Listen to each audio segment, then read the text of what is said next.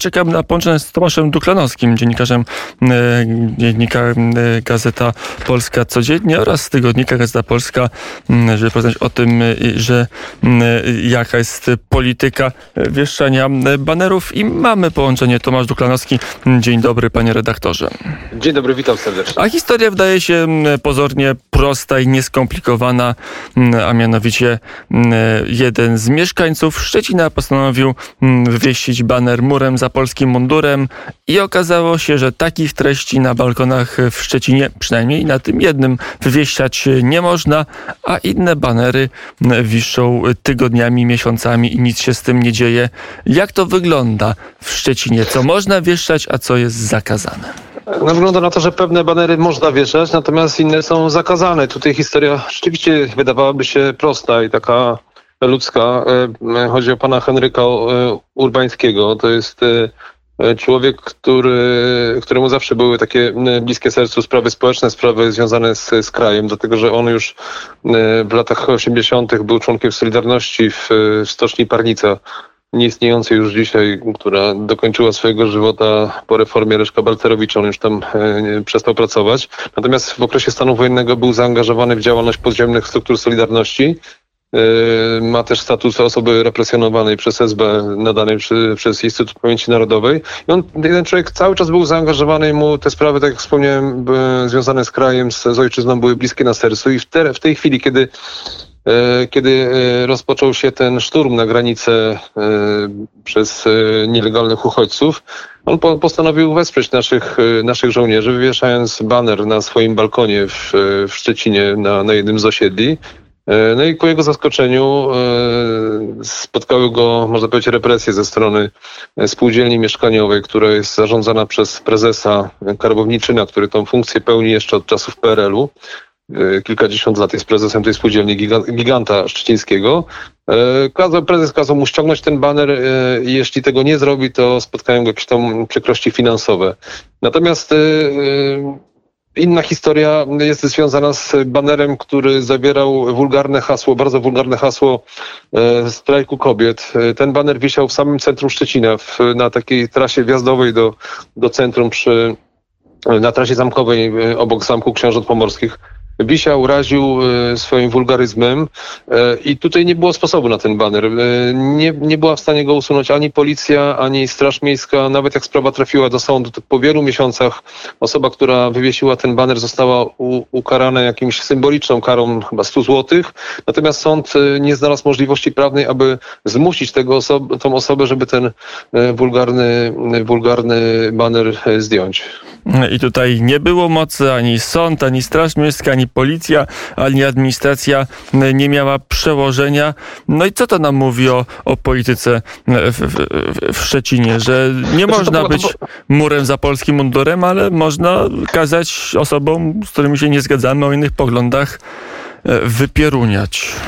No dokładnie, dokładnie tak było, dlatego że ani administracja nie interweniowała w przypadku tego, tego baneru wulgarnego, o którym, o którym mówimy, nie mówiąc już o władzach Szczecina, o prezydencie, który E, któremu to zupełnie nie, nie, nie, nie przeszkadzało. I tutaj mamy do czynienia z taką, taką nierównowagą, no dlatego że e, hasła patriotyczne są uznawane za za, za takie, które nie są mile widziane w przestrzeni publicznej. E, prezes stwierdził, że jest to, że jest to hasło reklamowe. No, trudno mówić o reklamowaniu, no, jeśli już, to, to polskiego patriotyzmu, ale idąc w, w, tą stronę, to niedługo i polskiej flagi nie będzie można wywieszać, bo komuś też to może przeszkadzać. Może, a, na ile, a na ile bohater tej afery może liczyć na sądy albo na inne instytucje, na ile, na ile pan Hendryk może powiedzieć, to jest mój balkon, nie robię niczego złego, złego, wieszam baner patriotyczny i mam do tego prawo, bo to mój balkon. Czy już jest na przegranej pozycji? E, znaczy, pan Urbański jest osobą, jak wspomniałem, o przeszłości opozycyjnej. On powiedział, że on tego baneru nie, nie ściągnie. Nie, nie zgodzi się na jakieś takie zastraszanie. Mówił, że będzie się bronił w sądzie. Z drugiej strony też tutaj lokalny poseł go wspiera, napisał jakieś tam stosowne pismo, prosząc prezesa, aby jednak wyraził zgodę na, żeby taki baner mógł zawisnąć z, z oczywistych powodów, że jest to, że jest to wspieranie w, w trudnej sytuacji, w sytuacji wojny hybrydowej naszych żołnierzy. Nie ma tutaj nic złego, to nie jest żadna reklama. E, także jak będzie w sądzie, tego nie wiemy. No może niestety tak być, że sąd nie będzie aż tak przychylny, tak łaskawy jak w stosunku do, do, do tego baneru e, strajku kobiet. Tu może być, może być niestety różnie. Bo, bo jednak patriotyzm... baner nie zawiera, nie zawiera przekleństwa. Może o to chodzi. Patrząc no. na wyroki ostatnich niektórych sędziów, to może właśnie gdyby był z przekleństwem, to wtedy byłby przez polskich sędziów jakoś milej przyjęty. Takie mamy czasy.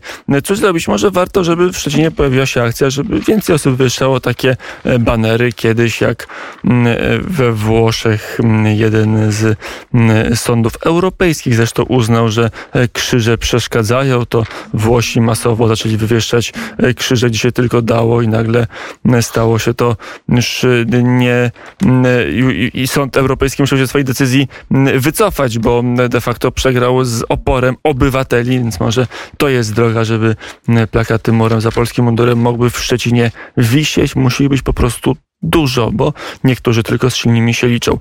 Tomasz Dukanowski gościem popołudnia wnet. To jeszcze wróćmy do jednego tematu, który pan redaktor pilotuje, a mianowicie sprawa marszałka Grodzkiego. Ja już zagubiłem się w liczniku pana marszałka, jak długo pan marszałek Grodzki, marszałek Senatu z, swój wniosek o uchylenie immunitetu mrozi, ale to już za chwilę będzie około roku. E, to będzie tak, jest w tej chwili 297 albo 8, 298 dni, z tego co, co pamiętam, e, e, od kiedy marszałek blokuje swoją sprawę. De facto on to robi dlatego, że gdyby chciał, ta sprawa dawno by już trafiła do Komisji Regulaminowej, a stamtąd na obrady plenarnej zostałaby pod, poddana głosowaniu. Natomiast Gorski boi się ewidentnie, żeby ta sprawa trafiła do sądu, dlatego że ten materiał dowodowy jest, jest po prostu porażający.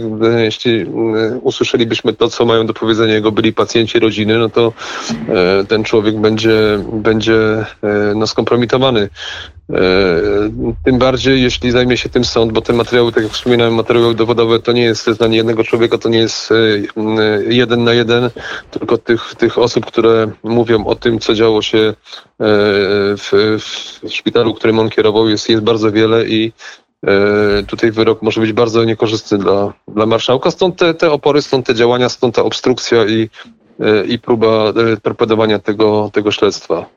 I próba pokazania, że można przeczekać sprawę, a może to jest jakiś element, że część, większość zarzutów się przedawni, że marszałek wyjdzie z afery, z potencjalnej afery łapówkarskiej, z oskarżeń, że przyjmował łapówki za leczenie obronną ręką.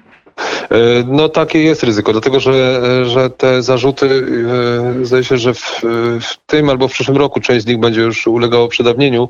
E, co prawda do momentu, kiedy, kiedy ta sprawa, od momentu, kiedy ta sprawa trafiła już do Sejmu, te, ten, ten czas jest wydłużony.